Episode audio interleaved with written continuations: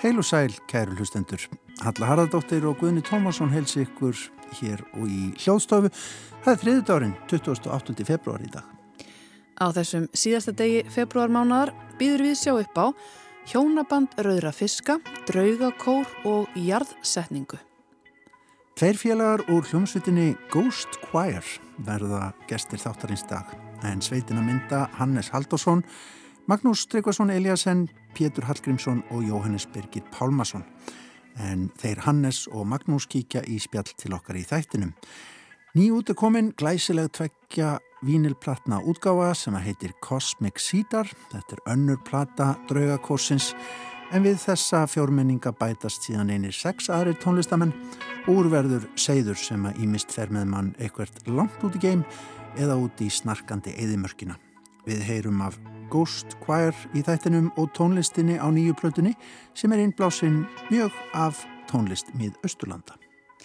Við ætlum einnig að kynna okkur í dag meksikóskan Rittöfund sem er eitt sá vinsalasti í hennum spænskumælandi heimi. Rittöfund sem hefur mikið velt fyrir sér tengslum mannskeppnunar við dýr og plöndur og sem er nú loks komin út á íslensku. Tengsl dýra og manna geta verið jafn flókin og þau sem samina okkur mannfólkið, skrifar Guadalupe Nettel í smásagnasafninu Hjónaband Rauðu Fiskana. Kristín Guðrún Jónsdóttir þýtti nýverið þetta aðteglisverða smásagnasafn úr spænsku og hún verður gestur okkar í dag. En við hefjum þátt dagsins á Ríni í bók sem að kom út seint á síðasta ári. Já, við erum ennarína í jólabókaflóðið blessað hér í Víðsjá en það hætta bækur ekkert að vera áhugaverðar þó að hátíðunum ljúki. Alltaf hægt að lesa bækur. Það má jú gefa út bók allar daga ásins og er streyma fram á markað. Að þessu sinni verður fjallað um bók Önnu Maríu Bóadóttur, Jarðsetningu, en hún var einmitt tilnæmt til viðurkenningar hagþengis á dögunum. Greta Sigriður Einarstóttir tekur nú við. Orðið hljóð er ein af þversögnunum í tungumálinu og getur bæði staðið fyrir háfaða og þögn. Annað slikt orð með ólíkar merkingar er rými. Það stendur bæði fyrir þeir hlutlæga pláss, áþreifanlegan stað sem hægt er að fylla með öðrum áþreifanlegum hlutum, en líka fyrir pláss í huglægum skilningi, í okkar eigin huga og aðtegli eða samfélaginu. Anna Maria Bogadóttir er arkitekt og menningarfræðingur og rekur arkitektastofuna Urbanistan. Samkvæmt heimasíðu Listaháskóla Íslands nálgast hún arkitektur frá sjónarhóli kvundagslífs í samhengi flókina kerfa og kvata og vinnur með umbreytingu, arf og miðlun sem skapandi afl í arkitektur. Hún skrifaði nýlega bókina Jarðsetningu sem kom út hjá Angústúru, verk um arkitektur og margt fleira. En svo kemur fram í bókinni er Anna sprenglarð á mörgum sviðum þó hún sérhæfi sig í byggingarlist. Hún hefur skrifað greinar og bókarkabla og þýtt bækur en jarðsetning er hennar fyrsta bók. Bókin er sérstök að því leitinu til að hún er í raun þriðjungur verk sem ber sama nafn og hverfist um niðurrif yðnaðarbankahúsins við lækjargötu sem hýsti síðar Íslandsbanka. Annar hluti verksins var tónleistar og lýsingargjörningur við upp af niðurreifs húsins en Anna leikstýði einnig og framleiti kvikmynd með sama nafni á samt kvikmyndatökumanninum Loga Hilmarsinni. Það vakti aðtikli hennar að tilstóð að rýfa húsið, bæði af faglegum og umhverfislegum ástæðum. Þegar svo var ljóst að ekki var hægt að koma í veg fyrir verknaðinn, ákvað Anna-Maria að skrásetja brottkvarf húsins. Jarðsetning er ekki bók sem fellur þægilega undir eina viðurkenda skilgreiningu. Þetta er ekki skáldskapur, ekki fræðibók og ekki beint æfisaga heldur. Þó má á einhvern hátt segja að hún sé allt reynd. Ég ætla að leifa mér að setja hana í uppáhaldsflokkin minn í bókatíðendum undir hið óljósa samneiti sem kallast bækur almenns eðlis. Í jarðsetningu eru nokkrir þræðir Aðeins einn af þeim er saga byggingarinnar við lækjargötu og starfseminar sem hún hýsti. Allt frá hönnun Haldós Há Jónssonar, gegnum stórbruna og bankarhun og fram að ferðamannasprengju þegar henni var fórnað fyrir hótel. En stærri hluta af rýminu í bókinni tekur saga önnu sjálfrar, sögumannsins sem leiðir lesanda gegnum rýmin í sínu eigin lífi, námi og starfi. Saga hennar hefst nokkrum kynnslóðum fyrr þegar formæður hennar komu sér fyrir í Reykjavík á tímu mikillar uppbyggingar en jafnframt húsnaði skorts. Sjálf elst Anna-Maria upp á Eskifyrði, fleitur til borgarinnar til að fara í nám í hennum virðulega mentaskóla Reykjavíkur og síðar Háskóla Íslands. Hún fleitur svo út til annara landa, Fraklands, Danmerkur og Bandaríkjana. Nokkrum skólum, börnum og húsum síðar rakst arkitektin á metafóriskan vegg og þarf að setja alla sína orku í að sinna sjálfri sér og kvílast. Meðfram sögu sinnar og húsins við lækjargötu leggur Anna upp hvernig sín hennar á arkitektur og starf arkitektsins mótaðist. Hún uppliði heim arkitektana sem karlægt rými og bendir oft á hvernig hugmyndir fyrir tíma voru mótaðar af einsleipum hóp karla. Upplifin hvenna af húsum og heimilum fekk hins vegar minna plás. Hún veldir upp mismunandi hugmyndum geirans um hvernig best sé að byggja nýtt inn í eldra umhverfi. Eitthvað sem á sannarlega erindi við íslenskan almenning nú á uppbyggingartíma í miðborginni sem á annar staðar. Er best að endurskapa eldri stíla, byggja nýtt í anda þess eldra eða skapa eitthvað alveg nýtt? Eitt að áhugaverðasta við frásögnina er hversu mikið plás, rými og byggingar fá í tekstanum. Hús eru yfirleitt í bakgrunni frásagnar, hilki utanum það sem gerist í sögum, en hér eru þau í forgrunni, leiða frásögnina áfram og hafa bein áhrif á framvinduna. Höfundur lýsir bæði húsum og smerri rýmum, en líka hvernig starri hús og borgarskipulag hafa áhrif á samfélag. Hún lýsir til að mynda stofunni á æskuheimilinu yfir sísluskrifstofunni sem var vettvangur giftinga og hvernig opinbera tilveran og engalífið runnu saman á slíku embættis heimilum. Einni fjallar hún um hvernig Miami beigðist upp af lausk tengdum hverfum og landslægi sem veldur skort á einlegri miðborg. Jafnframt hefur innan hús hannun banka breyst samhliða breyttu hlutverki þeirra í lífi okkar.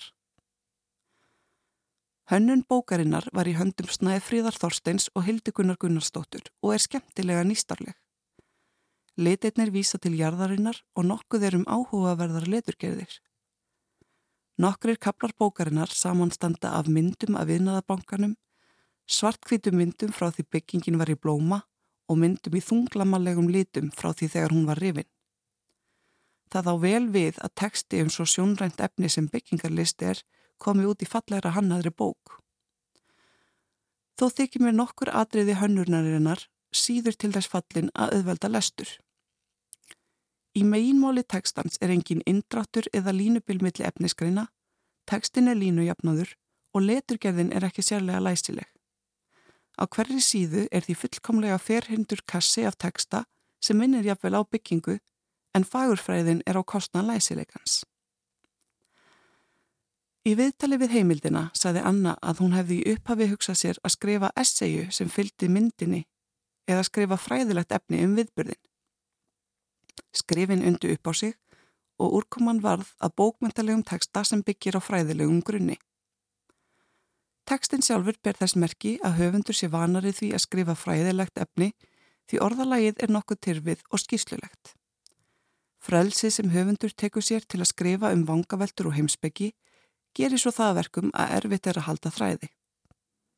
Setninga uppbyggingin er að mörguleiti óhefbundin en ekki á mjög markvisan hátt. Sumarsetningar eru langar og skipta um stefnu með hverju aukasetningu sem bætist við, svo að á köplum er eins og um hugarflæði sé að ræða. Skertarsetningar eru einnig algengar og komastundum fyrir margar í röð eins og upptalning.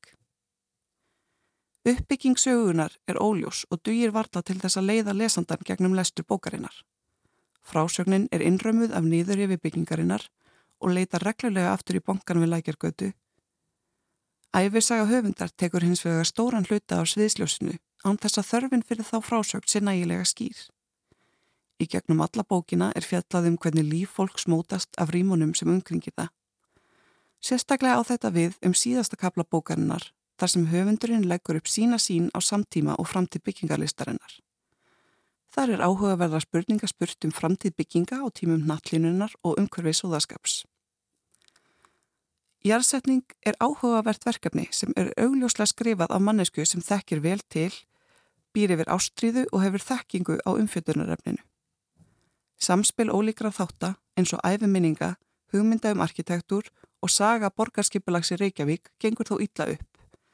Þræðirnir berjast um aðteglina í stað þess að styðja hvorfi annan og ómarkvist teksti dreipur aðteglinni enn frekar á dreif. Greta Sigriður Einarstóttir rýndi hér í bók Önnu Marju Bóadóttur í jarðsetningu. Og við höldum áfram í bókmentunum hér í Víðsjá stopnun Vigdísar Fimboðdóttur í erlendum tungumálum og háskólaútgáfan gáfu út fyrir nokkru smásagnasafn eftir meksikóska reytöfundin Guadalupe Nettel.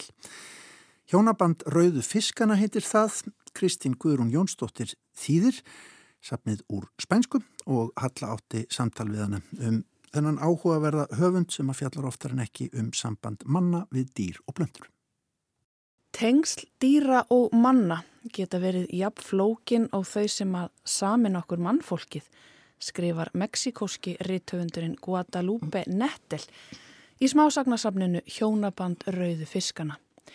Í sögunum sem þar byrtast fylgjumst við með mannlegum samskiptum og hegðun og sjáum líkindi millir þess hvernig mannskeppnan og dýr og plöntur haga sér. Áhugaverðar og skemmtilegar sögur sem eru komnar hingað til okkar á íslensku þauks ég Kristínu Guðrunu Jónsdóttur sem að þýtti nýverið þetta aðteglisverða smásagnasafn úr spænsku og hún er hingað komin, verður velkomin. Já, takk fyrir. Hver er Guadalupe Nettel? Hún er frá Mexiko, fætt 1973 og þykir með svona markverðari höfundum sem er að skrifa í spænskumælindi löndum Rómunsku Ameríku í dag Hún hefur sendt frá sig jöfnum höndum skaldsögur, smásögur og fræðiritt. En það er svona kannski enginnit aldrei á mörgum höfundum frá Rómísku Ameríku að þeir stunda líka fræðistörf, kenna, eru háskólakennarar, bladamenn. En hún er mikilvirkur um, menningarínir mm -hmm. og er rittstjóri tímarits sem er töluvert, það er mjög virt tímaritt sem að háskólinn í Mexiko gefur út og hún er fyrsti hvenn rítumundur þess í 100 ára sögu tímaritsins. Einmitt, sko, mér langar aðeins að stoppa það hér. Hvað er eitthvað sérstaklega ástæða fyrir þessu að rítumundar eru svona virkir í fræðastörum? Er, er háskólinn að íta við þessu eða hvað er þetta? Það er nú öruglega ekkit einlít svar fyrir þessu. Áður fyrir það voru þeir mikið í, í svona um, diplomasíunni og um, Það er kannski að þeir sko, þeim er gert aldrei hátt undir höfuð og þetta er ánáttlega ekkit við allar í töfunda. Mm -hmm. En það er þeir fá eins og eitthvað svið á ofinböru vettvangi. Mm -hmm. En svo náttúrulega er þetta líka spurningu um afkomu, að einhvern veginn að uh, halda sér uppi til að geta skrifað. En það er einhver þessi hugmynd um að þetta er okkar í töfundur við ætlum að uh, hald, svona gefunum plás. plás og uh, virðingu. Akkurat, áhugavert. En, en, en líka það að vera ekki fyrir utan, taka þátt svona, vera hluti af samfélaginu. Akkurat og samtalenu. Já, akkurat. Einmitt. Og fræðasól hennar hefur sannlega vaksið. Já, hún byrjaði að gefa út uh, smásögur bara 20, 1993 minni með að fyrsta safniðin hefði komið út. Svo liði nú nokkuð mörg ár, gaf hún annars smásagnasafn út og það var á frönsku. Við getum kannski komið að því síðar. En svo þegar hún gaf að fyrstu skaldsögu sína 2002 sem heiti Gesturinn þá vakt hún mikla aðtikli og mm, hún hefur gefið út ansimargar skaldsögur og hún er bara eina af þessum þekktu nefnum í dag. Emitt. Og þetta er það fyrsta sem við fáum á íslensku eftir hana? Já. Emitt. Já. Sko, ef við tölum aðeins um hennar svona sérkennu og hvað hefur vakið aðtikli við hennar skrif, þú segir frá því eftirmála sem þú skrifar í þessu sapni að hið sérkennilega hafi hillað hana frá upphafi ferilsins. E, og að það tengist aldrei ævenar. Já, hún fættist með eh, svona skí á öðru auganu og það er svona markaðdaldið já, hennar æfi og hennar skrif. Og það má sjá svona eins og daldið tví skiptan heim hjá henni, er eins og sjá heimin með öðru auganu alveg skýrt. Og með hinu auganu þá er svona þoka fyrir og um, fólk sem er með svona þoka fyrir auganu, allaveg henni tilviki, hún sér ekki heiminn í þrývít, svona eins og við sjáum. Þannig að hún hefur strax farið að sjá heiminn svona eins öðrum augum eins og geng, heldur en gengur að gerist. Mm -hmm.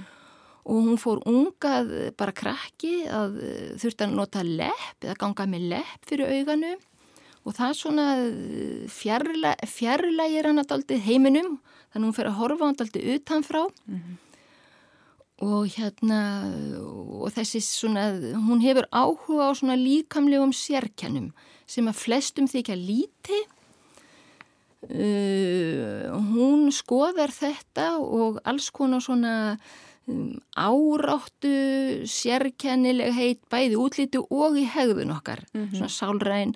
Og um, hún einblínit aldrei á þetta. Hún skrifa mjög mikið um auðu og sjón og hvernig við horfum á heiminn og um, Einmitt, en svona, en, en svona einmitt, vekur aðtegla á því kannski sem er öðruvísi og það sem við kallum aðbriðilegt, af því að það er öðruvísi heldur mm -hmm. en það sem er vennilegt, en án þess að svona fríkvæða hlutina. Já, einmitt, það er akkurat það sem ég ætla að segja, að uh, í stað þess að gera svona það sem að getur verið svona daldið, svona hálfgerður hryllingur eða óþægilegt, þá svona reynir hún að finna fegurðina í því staðis að íkja og búa til að skrifa hrollvekjur mm. að þá einblínir hún á fegurðina í þessu sem að flestum þykir kannski mjög óþægilegt en mm. það heitir eitt uh, smásagnarsafn hennar uh, krónublöð og aðrar óþægilegar sögur Já Hún er auðvitað frá Mexiko og er um, sko, sækir í hefðina sem hún býr við þar Já. en uh, svo er hún með annan fótinn í, í Evrópu. Já, einmitt. Og þess gætir einmitt í allavega þessu smásagnasafni. Já, sko sögursviðanir er oftast svona alþjóðulegt. Sögurnir mm. er að geta gerst einhverstað einlega hver sem er.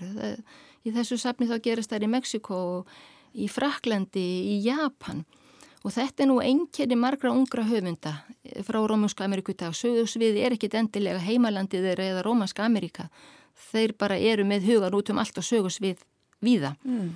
En eh, hjá henni að sko hún, hún elst upp í útkverfi Mexikoborgar, hverfi sem verður til uh, fyrir ólimpíuleikana 1968 og um, þar voru byggð íþróttamannvirki og líka mikið stór hótel og eftir ólipjöleikana urð þessi hótel að íbúðarhúsum og hún elst upp þarna og í þessu hverfi þar eru mjög margi innflytjandur eða flóttafólk frá til dæmis Chile og Argentínu sem er flýja undan uh, harðstjórn og þannig hún er strax farin að sjá sér svona hluta af einhverju sem ekki tilheyra. Hún er með leppin, hún er innan um þetta fólk og síðan þegar hún er sjóra gömul þá skilja fóreldra hennar móðurinn flist í Fraklands og tekur stúlkunum með þannig að hún ver mörgum mörgum árum í Fraklandi og gengur þar í skóla. Og svona þennan tvískipta heim sjáum við bæði með sjónina en líka hún er að stökka mellir heimsálfa, Evrópu og Ameríku, Mexiko, Fraklands, e, Spænsku og Frönsku. Mm -hmm. og hún hefur líka skrifað á Frönsku eins og ég sagði áðan uh, smásagnasafnið, annað smásagnasafninar sem var strax þýtt á spænsku. Mm -hmm. Einmitt. En svona hennar áhrifavaldar? Sko, náttúrulega bæði hins bókmyndirnar uh, Edgar Allan Poe, hún líkur í honum og Hoffmann, uh, svona klassísku höfundum, Robert Louis Stevenson og Kafka náttúrulega einn af hennar áhrifavaldum og Maupassant og eiginlega allt sem er skrifað á frönsku allt sem að tengi svona fyrðusögum og fantasíu mm. og svo náttúrulega þúsundu einátt mikill áhrifavaldur en svo sækir hún líka í þessa sterku hefði í Suður Ameríku eða Rómunsku Ameríku um, smásagnahefðina sem að er mjög sterk þar ég meina þannig að koma Borges uh, Cortázar mm -hmm. um, Rulfó mm -hmm. og svo heil hellingur á konum líka sem eru kannski ekki eins þekktar sem að ég minnist á í hérna, eftirmálanum Þannig það má segja kannski að það er svona tvær hefðir sem hún sækir í þarna það er bæði þessi furðusagna hefð þessara höfunda sem ég þegar myndist á og svo líka áhugan á dýrum sem að virðist hafa fyllt e, smásagnaskrifum í Rómunsku Ameríku og örsagnaskrifum. Um, en þessi ríki áhugi, þessi hefð fyrir dýrum? Já, kannski fyrst er þetta minnast á það að skrifa alveg rosalega mikið um dýr í öllum krónikum landafundamanna, alls konar mm. sérkennlega dýr sem að þeir sáu og sáu ekki að þóttust sjá mm. og svo náttúrulega er náttúrulega rík þjóðsagnahefð eða munmælahefð hjá innfætum mm -hmm. en svo gerist það líka svona í kringum uh, miðja síðustu öll samhliða uppgangi smásögunar að þá fara þessi rítumundar mikið að skoða gamlar ríthefðir uh, og skoða til dæmis fabúlahefðuna miðaldum, um, alls konar dýratöl eða svona bestiarium mm -hmm. og þetta verður mikill áhrifavaldur þar að segja að skoða sjálfa sig í gegnum hegðun dýra og það kom út mjög marga bækur allt frá 1950 til 78-10 einmitt með orðinu bestiario eða bestiarium í titlinum mm -hmm. og þá eru rítumindur og líka ljóðskáld að svona líta mikið til dýra einmitt. en þessum gömlu hefðum eins og kannski fabúlehefðinni sem var notuð svona til að kenna sem er svona síðalærdom að þá er öllum gildum snúið við það er mikið háð og húmor í þessari nálgun í Rómansku Ameríku. Mm -hmm. Einmitt. En þetta með að sko, skoða hegðun mannskeppnunar mm. út frá mhm. hegðun dýrana, það er einmitt það sem hún er daldið að gera, allavega í þessu safni. Já, hún er að gera það, svona einmitt að fylgjast með hegðun dýra eða svo þetta er allt gæludýr, þó séu þetta alltaf sérkennileg, bardafiskar og slanga, en líka venjulegri dýr eins og kettir. Og sveppur. Já, sveppur sem er náttúrulega kannski ekki meðlinni stýr en það er alltaf sérkynlegt með sveppi að þeir sko, til er að hvorki júrtaríkinu nýja uh, hérna, dýraríkinu Einmitt. eftir því sem ég best veit mm -hmm. þeir eru með svona eitthvað sér... Er ekki sérflokkur bara? Jú. Um, svo kemur kakalakki þarna líka, það kakalakkar og hún er náttúrulega að skoða uh, hegðun, eða hún er að skoða hegðun okkar með hlýðsjóna hegðum dýrana en það er líka þannig að dýrin endur spekla hegðun okkar líka. Eins og í fyrstu sögunu um hjónaband rauðu fiskana þá er þessi bardaga fiskar það er karl og kerling og þau búa saman í fiskabúri. Tveir karlar get ekki búið saman í fiskabúri en karl og kona geta það en þau þurfa að búið mjög stóru búri svo þegar kemur að fengi tímanu þá verður karlin mjög grimmur og ágengur og það sem gerist í fiskabúrinu er eins konar forbóði fyrir það sem að gerist í lífi ungra hjóna sem eiga vona á barni mm -hmm. og búa í þessari sömu íbúð. Mm -hmm. En hegðun hjónana og þróunin í þeirra sambandi, hún endur speklast líka í hegðun fiskana. Akkurat, einmitt.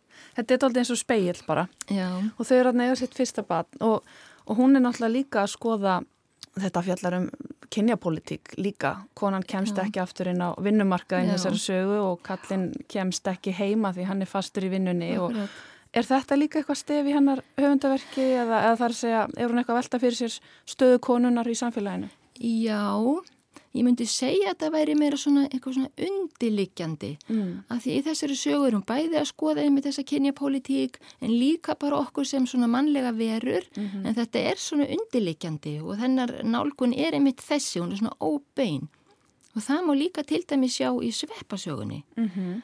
að fólk, kona og karl þau verða ástfangin en þau eru bæði gift eða þau eru hjónabandi og eiga sitt ástarsamband, þau stíga út fyrir hjónabandið og get ekki hýst nema endrum og eins.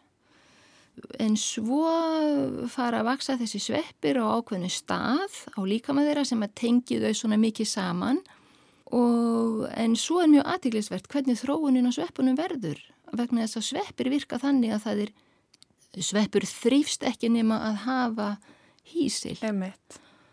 og konan eða sveppinir hjá henni hún er náttúrulega orðina hálfgerðin svepp mm -hmm. Anna þarf að gefa sig undir hinn. Það, þannig að þetta er svona mjög óbein skilabóð Akkurat, mér ást einmitt svo áherslu í þessari sögu hvernig hún sko hún sækjar hann í ykkur að fantasíu en, en þetta er samt ekki fantasía vegna þess að sko konan umbreytist ekki svepp, heldur fyrir meira svona bara að haga sér eins og já, sveppur. Já, einmitt. Hún talar mjög oft sko í sínu sögum um eðli, eðlisfar eða eðliskvöð, bæði hjá dýrunum og hjá okkur og hún er svona að reyna að skoða þetta og mér finnst eins og stundum að hún sé aldrei að tala um sko hvað okkur verðar svona brjóstvitið Um, við séum kannski búin að eitthvað svona eðlislægt uh, eða meðfætt innsægi sem við erum kannski búin að týna. Mm. við hlustum ekki alveg á brjóstvitið okkar. Ég hef alltaf tilfinningun og sé að tala um þetta. Um, Já, við séum kannski búin að svona aldrei tapa innsægin okkar. Já, í einhverju sko og þá til dæmis uh, það er eins og að dýrin þau uh, þau halda bara áfram mjög svona örugu í sínu. Við erum alltaf með einhverja svona evasemdir, hvað við varum að gera, hvernig við varum að bregðast við hlutunum, hvernig við varum að hegða okkur og kannski, og það er eitt líka sem hún er að tala um sko að þetta með dýrin að við höldum við séum svona að mannfólki það sé æðra dýrunum vegna þess að við erum með raukhugsun mm -hmm. og þá er spurningi líka hvert leiði raukhugsunin okkur hún kemur okkur, hún stingur okkur oft í bakið, hún kemur svona aftan að okkur þessi raukhugsun þannig að þetta er svona það sem hún er alltaf velta fyrir sér. Akkurat, með þetta koma svolítið mikið fram í kattasögunni líka. Já, einmitt, já. akkurat, já. En sko þetta með einmitt virðinguna að við, við oft lítum á okkur sem aðri að sjálfsögðu heldur en já. dýr og, og plöndur, við höfum gert það bara síðastu aldir, held ég að megi segja en hérna Þetta, sko, þessi hugsun hennar að fara að endur hugsa þennan virðingastega, þetta Já. er náttúrulega eitthvað sem að tala mjög stertinn í okkar tíðaranda núna. Já, akkurat. Mér finnst það mjög góða punktur hjá þér. Ég hafði kannski ekki alveg hugsað þetta svona, en þetta, þetta er mjög góða punktur og ég held að hún sé það, ég mitt að tala inn í þetta og líka með plöndunar, þannig er einn saga, sko, í, an, í hérna, annari bók reyndar, ekki þessari bók, þar sem að um, maður sem er í hjónabandi, það er orðið svona daldið, svona einhver lægði hjónabandinu, það er barndlaust og maðurinn, þetta saga sem gerist í Japan, maðurinn fer að uh, leggja leið sína oft í, í hérna, skrúðgarð og fer að fylgjast með hvernig gammal maður rektar alls konar mismunandi plöntur. Þetta er saga sem heitir bonsai, hann er að rekta bonsai plöntur, alls konar klifurjúrtir, uh, kaktus og bara alls konar plöntur og maðurinn fer að fylgjast með þessu og í gegnum skilning hans á hvernig plöntuna virka þá fer hann að uppgötar sjálfa sig og skilja svona sitt innra sjálf. Og hann tólka sig þá sem kaktus. Já. en konan er aftur á móti klifurplanta. Og þarna kemur eitthvað svona sem að hefur skilið þau að í hjónabandinu. Einmitt, við ættum kannski að bera okkur meira sama með plöntur, alveg örglega Kristín Guðrún Jónsdóttir, takk innilega fyrir að koma og vera með okkur í vísi og þetta er frábær bók til ham ekki með þessa þýðingu. Já, takk fyrir það og takk fyrir að bjóða mér. Hallarætti hér við Kristínu Guðrunu Jónsdóttur um meksikóska höfundin Guadalupe Nettel og smásagnasafnið Hjónaband Rauðu Fiskana sem að stopnun veitísar Fimboadóttur í erlendum tungumálum og háskóla útgáðan gáðu út á dögunum. Já, og það er rétt að geta þess að á fymtudaginn, annan mars, mun þýðandin kynna bókina og lesúrinni í Veröldhúsi viðdísar og þar verður um leiðkynnt önnur bók að vestan íslensk-kanadískar smásögur í þýðingu Guðrunar Bjarkar Guðsteinsdóttur. Þessi viðburður hefst klukkan 16.30 á 50 dag. En þá fyrir við í tónlistina og höldum út í brennheita eðimörkina. Við sjónarönd eru fornir struktúrar eða skildur þetta kannski vera hillingar.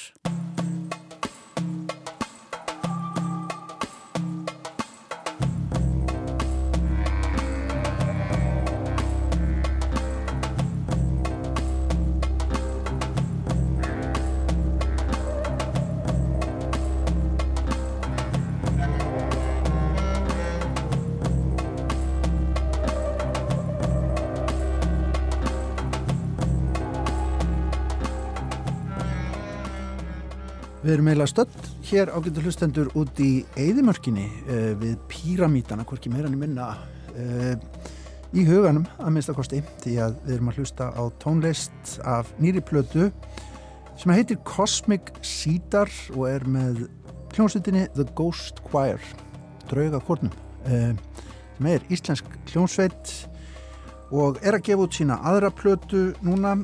Í henni eru Magnús Tryggvason Eliasson Háldan Árnason Hannes Helgason og Jóhannes Birgir Pálmason.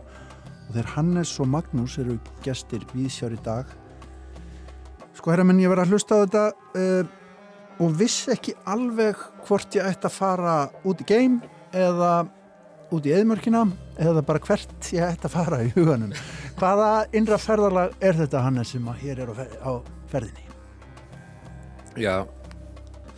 Við byrjum á, á, á því að sko að þess að hlusta á þess allan að sumur okkar á, á músík frá þessum þessum menningarheimi frá Líbanon og, og slattað því og, og Egiptalandi mm -hmm.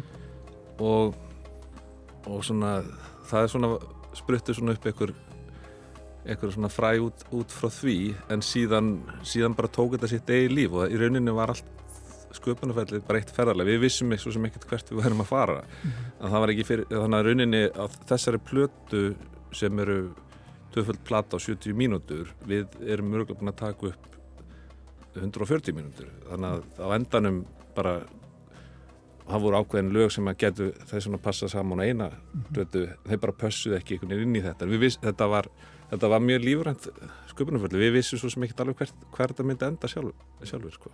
En af hverju mið Östurlund? Um, þetta byrjaði þannig að það er einn meðlumir í bandinu sem er, er, hérna, er ætlendur frá Líbanon og hann kom rauninni með þessu hugmynd að hann langaði svona, svona, til að gera upp svona sína rætur uh, sjálf, þannig að það, þar sprettur uppmjölega hugmyndin og, og svo bara förum við með honum í það ferðarlag og þetta verður samverðið ferðarlag síðan á endanum sko. mm. Hvernig var þetta Magnús að taka þátt í þessu verkefni? Þú ert nú í svo mörgul hljónstum að þú kannt ekki telja lengur. Eh, sko, segð mér aðeins, hvernig, hvernig, var, hvernig er að vera í draugur í kórnum? Sko, við vorum um þetta að ræða þetta á leðinni. Um, eh, það er rosa gaman að vera draugur í kórnum, uh, en svo var líka þetta ferli, já, til dæmis við, hérna, já, þegar við gerðum fyrir, fyrstu blötun okkar, þá vorum við svolítið allir saman, ég er enda kom síðastur inn eins og vorum við um þetta ræða á hann en það er nú svo sem ekkert nýtt. Mm -hmm. hérna, eh, en við unnum það svolítið meira svona saman sko. En sko það sem ég fannst mjög áhugavert í þessu ferli var já, annars vegar að fara í gegnum ég, ég hlusta mikið á músík frá miðusturlöndum að fara í gegnum svolítið svona ég bara hvernig sko taktar og bít raðast upp og svo hitt að það er svona frjálsir kaplar þar sem ég og Jóel kannski fáum að leika lausum hala. Mm. það sem mér þótti skemmtilegast eða, og eiginlega merkilegast við það allt saman er það að við hittumst aldrei þegar, eða þú veist, við, við sáum aldrei hvern annan, við bara heyrðum í hver öðrum, þannig að ég kannski tundraði einhverju frjálsu yfir eitthvað eitthva, eitthva þema eða eitthvað þrástef. Og svo kom Jóel tveifingu setna og hamraðinn þú veist, klarinett Þetta er allt gert þannig, þetta er, þetta er fjarsamband. Já, sem já. mér finnst svolítið eiginlega bara merkilegt. Aldrei gert þetta svona áður. Svona, svona opna músík veist, en, en gert einhvern veginn bara í sikkur lægi og já, fólk hittist aldrei. Stórmerkilegt. Og jafnvel, þetta tók, þetta tók alveg tvö ára að gera þetta og og maður er líka stundum að talast á við sjálfa sig. Þannig að Einmitt. ég til dæmis var og Magnús kom oft inn og hann er kannski, heyrðu byrju, hvað var ég að gera þarna? Og er jafnvel að hafa áhrif á sjálfa sig í, í, í framtíðinni. Mm. og þannig allavega upplýðið margt af því sem ég gerði á þessu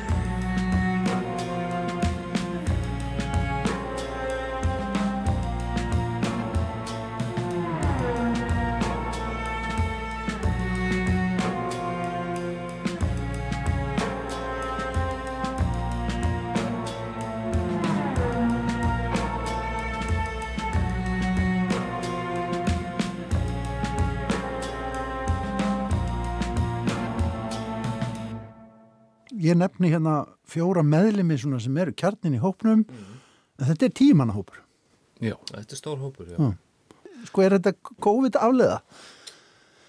All, að hluta til, já. að hluta til.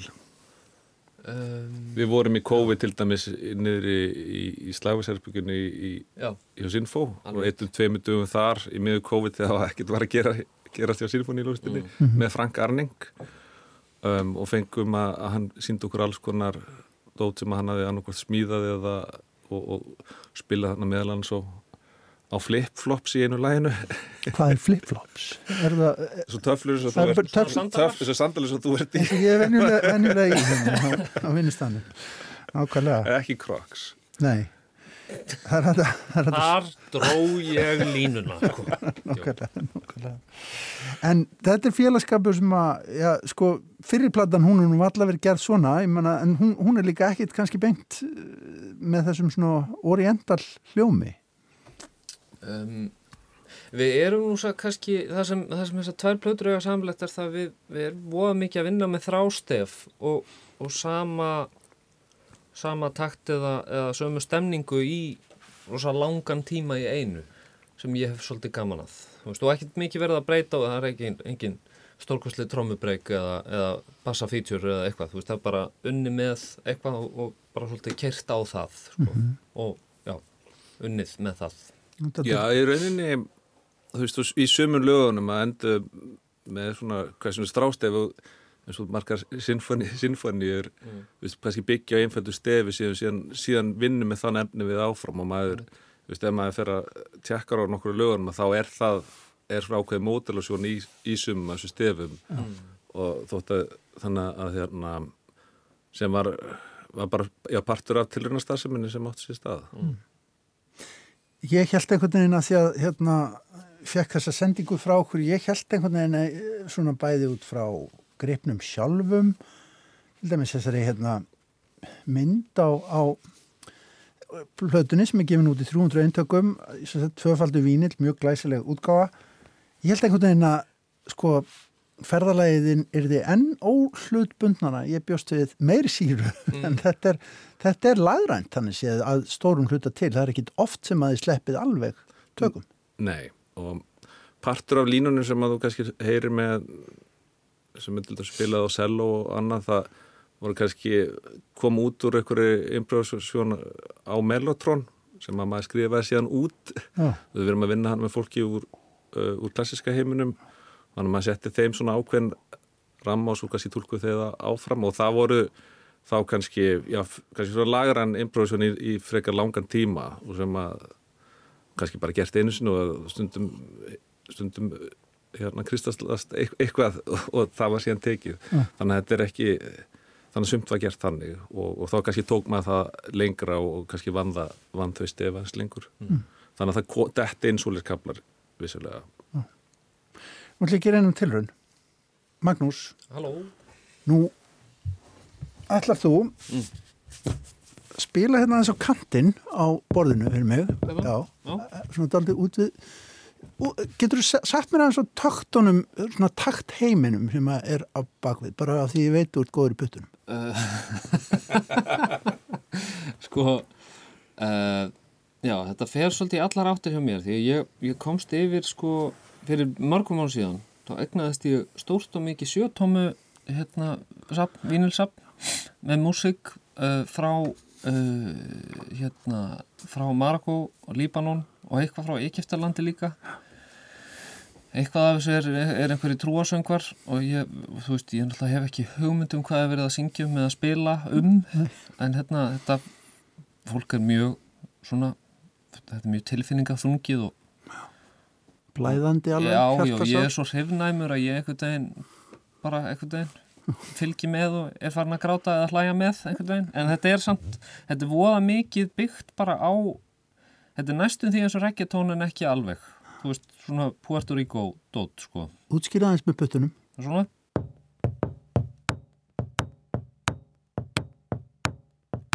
Eitthvað svona. En svo náttúrulega tókum við þetta líka í einhverjar alltaðrar áttir þú veist, því að við erum við erum við og við búum hér og ég hef hvorki tólin nýja þá bara hreinlega réttindi til að þykjast vera eitthvað annað en bara Magnús Tryggvason Eliasson Trómar og Vesturbænum Já, aldrei kvöldu þrjú, einmitt. 100 Reykjavík sko. þannig að við þurftum svolítið að þú veist, náttúrulega finna okkar leið að því að gera þetta á þess að þetta verði veist, þetta getur náttúrulega orðið mjög, mjög ekki- ekki tilgerðalegt, mér finnst það ekki rétt orð en, en svona Æði þú veist, það er svona, þetta getur orðið kannski pínu, pínu skrítið að alltaf þykjast að vera, vera annar staðar en maður í raun er og frá einhverjum allt öðrum stað en já, hói. En getur þú ge gefa okkur dæmi um hvernig þú gerir takt að þínum? Getur þú tekið eitthvað, e, þú Ef þú veist, gerir þetta, hérna. Þetta. Svo getur þú bætt bara. Ég held með þess að við höfum gert nákvæmlega þetta. Er það ekki? Bara bæta einhverju við eða Er þetta ekki nýjunni? Eitthvað veginn svona?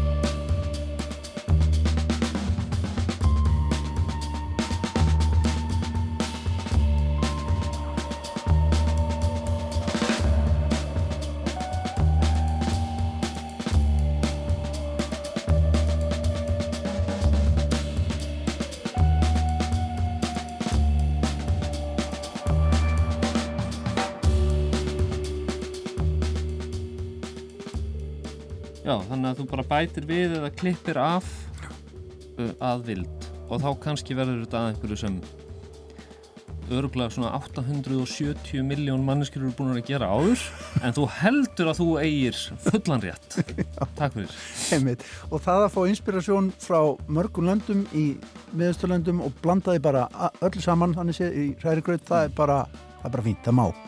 Mér finnst það, við erum öll, við erum öll, við stundum öll menningarnám bara allan daginn alltaf. Þannig að hérna, þú veist ég spilaði fullt af jazzmúsík frá bandaríkjónum í gær kvöldi og ég bara gera það sama á einhverjir menn eða konur gerðu fyrir 50 árum síðan þar, eða 60 árum eða eitthvað. Þannig að við finnum bara inspirasjón og reynum að gera eitthvað við einhver tól sem eru til nú þegar er það ekki það? Jú. Já, ég veit ekki þetta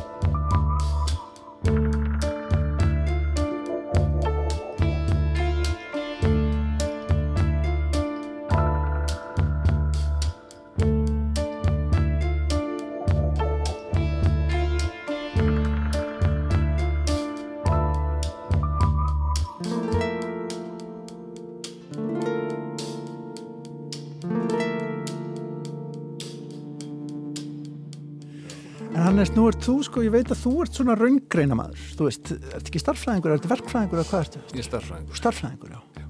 Þetta kemur starffræðin úr Östurlöndunum. Um, er það þess vegna sem á kveikir áni, svona, músikinni úr miðausturinu? Ég veit, nei, ég, ég veit ekki af hverju, hún, hún hérna höfða til mín. Ég, þegar ég var úlengur hlustiði mikið á nú, nú sætt Fatih Ali Khan og það var eiginlega svona mín, mitt svona gateway lif inn í, inn í hann heim. Og svo ungur, bara 19 ára fæðaðist ég líka um Indland.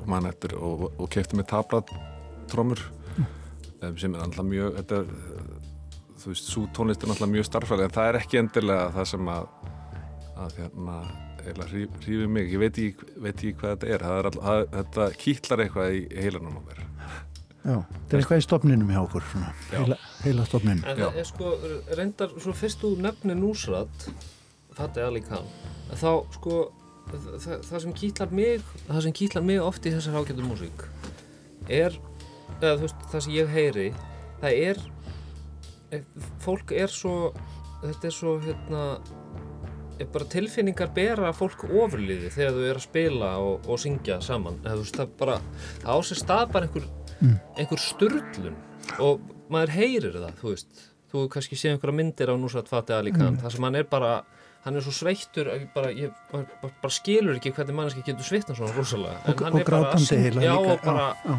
öskrandi frá sér bara allt vit og alla rænu mm -hmm.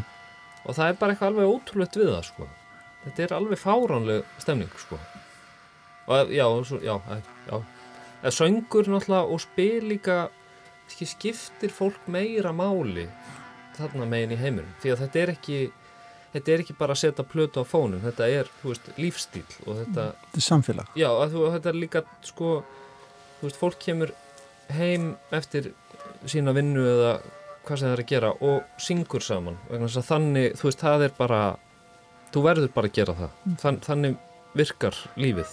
Og það er eiginlega einmitt sko þetta er einmitt þetta, þetta verkefni hérna sem er náttúrulega alveg gali eða svona miklum tíma í, í eitthvað svona en þetta er einmitt eitthvað sem ég persónulega fannst bara, bara verða að gera og það er einmitt sem eitthvað svona mótvægi við starfsvæðin og strúkturinn sem er hinparturinn af mínu lífi mm -hmm.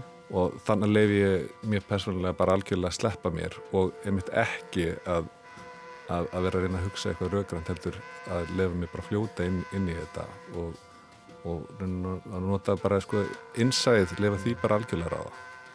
Gaman að heyra þessu. Uh, þetta er sem sagt Cosmic Cedar með uh, The Ghost Choir. Sko hún er gefin út í 300 eintökum tölusettum en sko hva, hvernig verður þetta, hvernig nálgast þessi, er ekki svo hefnin að ná, ná eintæki, hvernig hérna nálgast þessa músík síðan í framtíðinni? bara öllum helstu plötubúðum á, á Íslandi. Já. og svo streymisveitur þetta, þetta, þetta er ekki komið á streymisveitur en þá en við ætlum að gera, við ætlum að lefa fólki aðeins að, að njóta vínilsins mm. fyrst. Já. gera þetta eins ógengilegt þess að hægt er.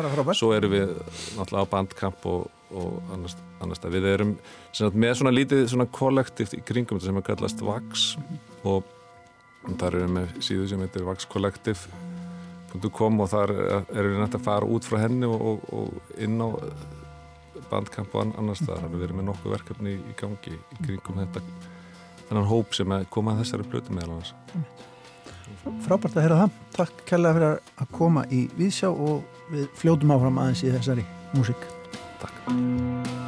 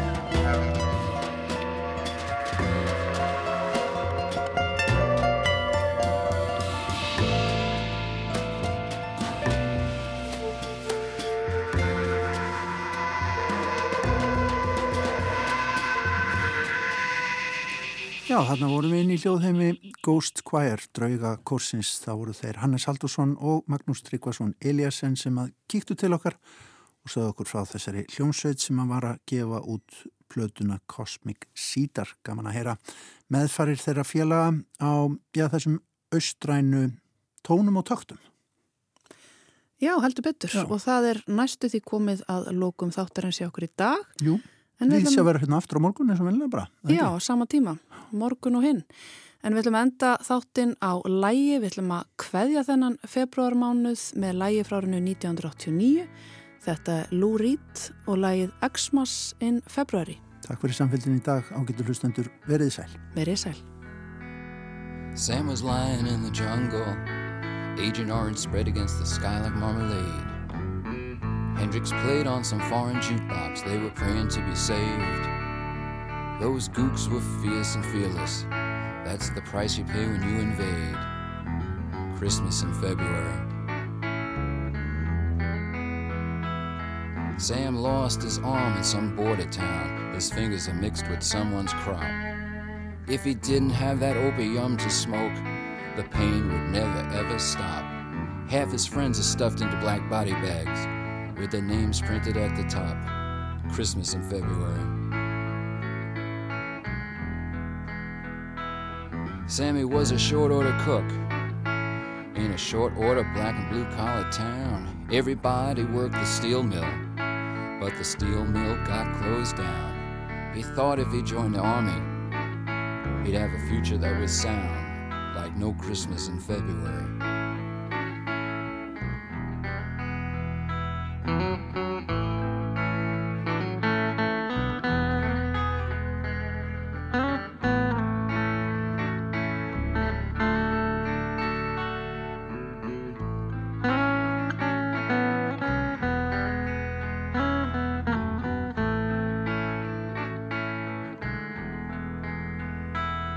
Sam staring at the Vietnam Wall.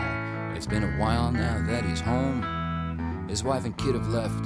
He's unemployed. He's a reminder of the war that wasn't won. He's that guy on the street with the sign that reads, Please help send this vet home.